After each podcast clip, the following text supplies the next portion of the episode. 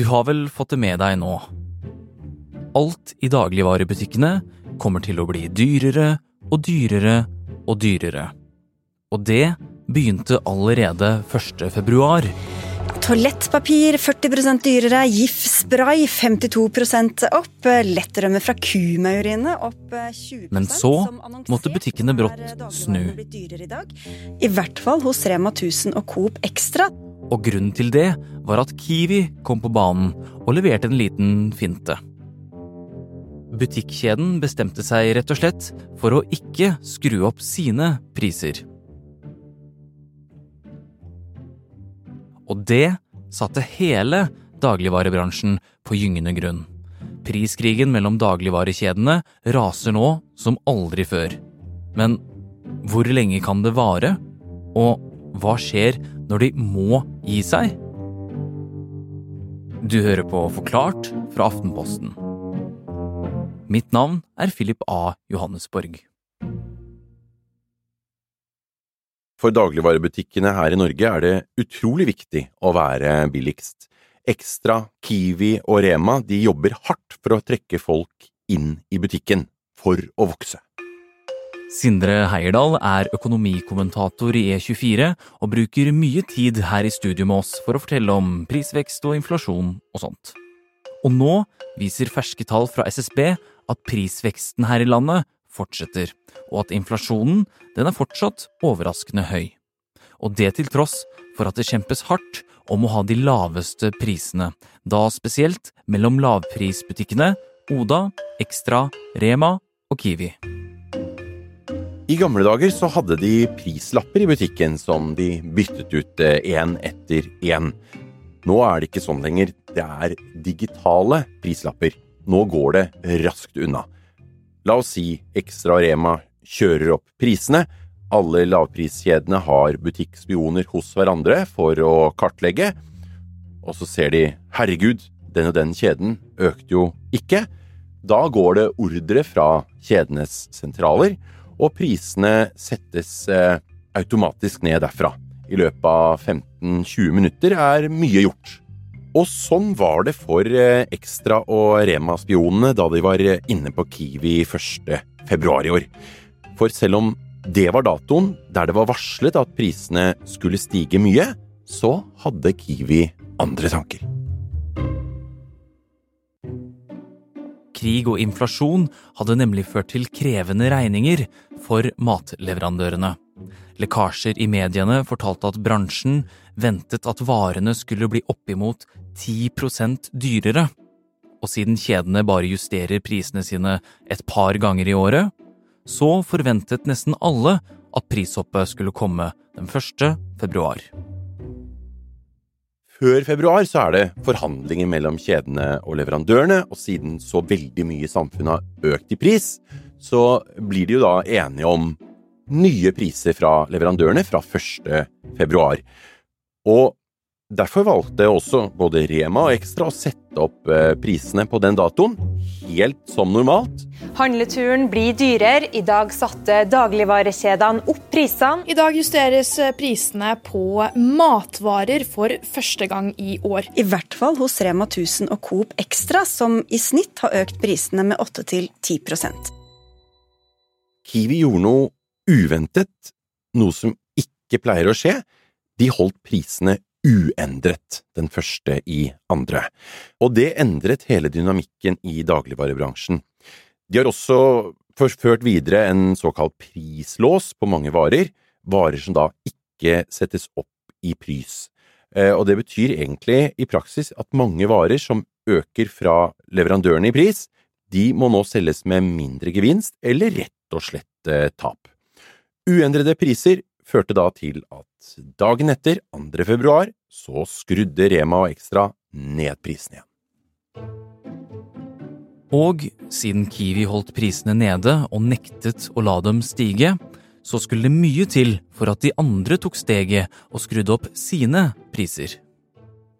Ja, En kan jo bare se for seg at hvis en melk kostet 19 kroner på Kiwi, men 22 på Coop Extra, så hadde man kanskje heller valgt å besøke Kiwi. Særlig da når det gjelder mange forskjellige typer varer. Da blir jo sluttsummen ganske stor. Så siden 1. februar er rett og slett priskrigen mellom de tre lavpriskjedene intensivert. Alle føler hverandre på tennene, ingen tør å ta ut økte leverandørpriser. Men den prislåsen som Kiwi hadde satt på sine varer, hadde også en utløpsdato, nemlig 1. mai. Mens mange ventet at prisene omsider skulle bykse hos alle 1. mai, så skjedde det ikke igjen. Og de som prøvde seg på et prishopp den dagen, de måtte snart dumpe prisene ned igjen.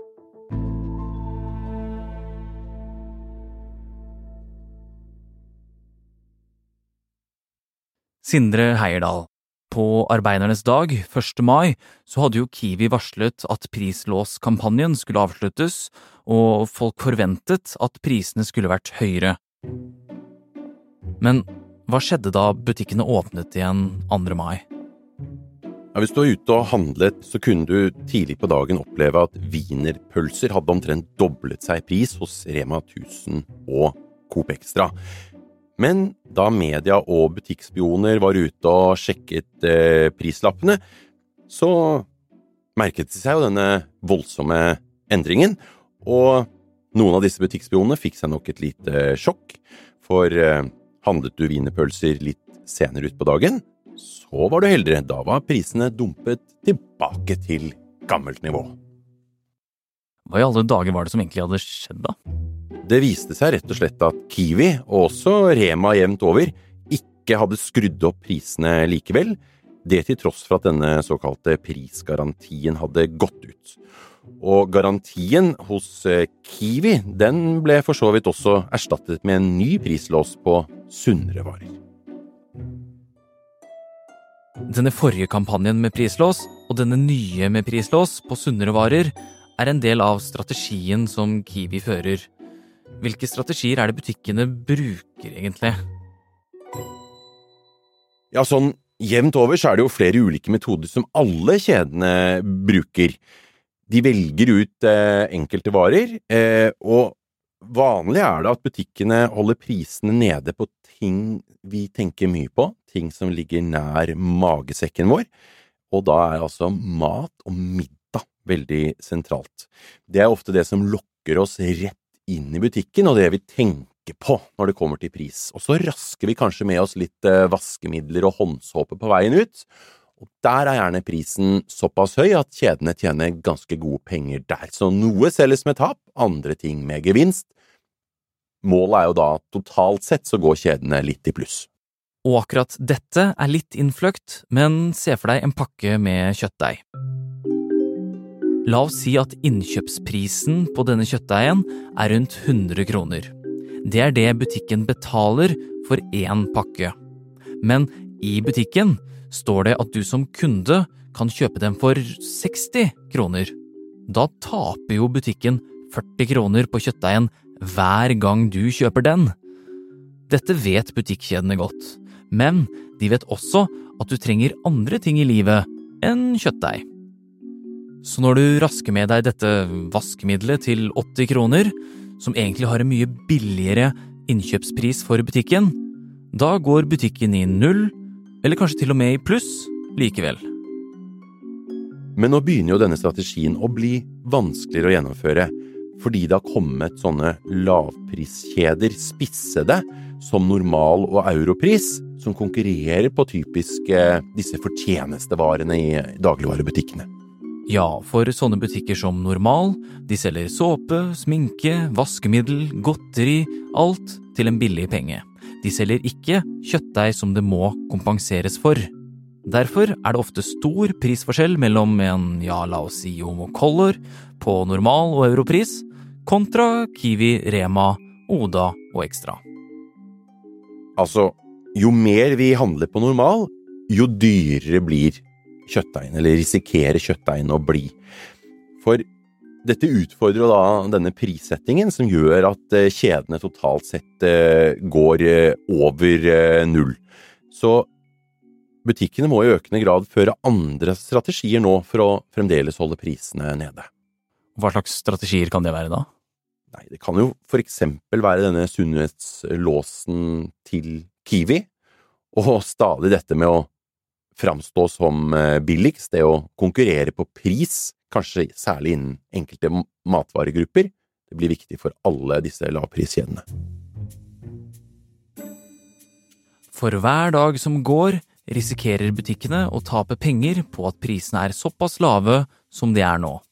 Det gjelder spesielt kjedene Rema 1000 og Ekstra. Og det er ikke helt tilfeldig at det er nettopp Kiwi som kan føre an i denne priskrigdansen. Ja, Kiwi eies av Norgesgruppen, som også eier Meny, Joker, Spar annet. Norgesgruppen selger mest dagligvarer i Norge, altså de har størst markedsandeler, og kan derfor jevnt over kjøpe inn litt billigere fra leverandørene enn konkurrentene. Hvilke konsekvenser får det at Kiwi tar slike valg for dagligvarebransjen, da? Det endrer jo dynamikken i bransjen. Det er ikke holdbart over tid at alle kjedene går omtrent i null, og det kan tenkes at noen av kjedene over tid må legge inn årene eller inngå nye innkjøpssamarbeid hvis prisene ikke stiger en del. Det er jo egentlig litt skummelt for konkurransen på sikt. Hvorfor det? Hvordan denne dynamikken slår ut på kjedene framover, blir jo interessant. Hvis folk handler mindre, så kan det jo hende at alt bare blir eh, dyrere, eller så prøver kjedene å lokke folk til å kjøpe mer ved å senke prisene. Dette er ikke det siste vi hører om eh, matprisene her til lands.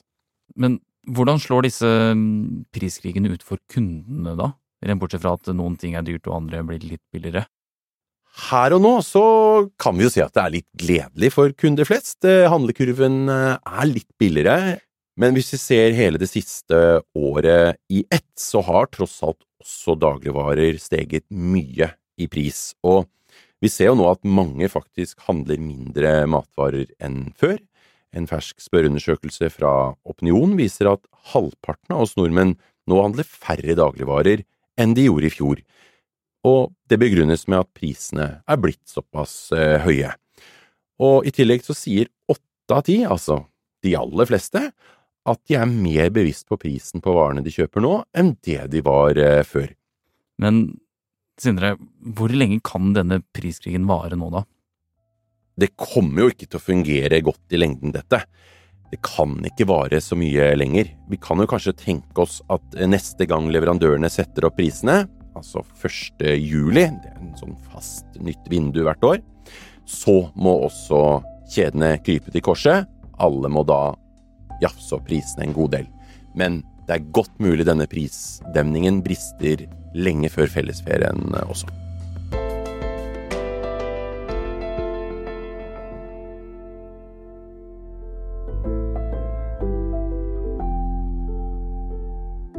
Du har hørt en podkast fra Aftenposten.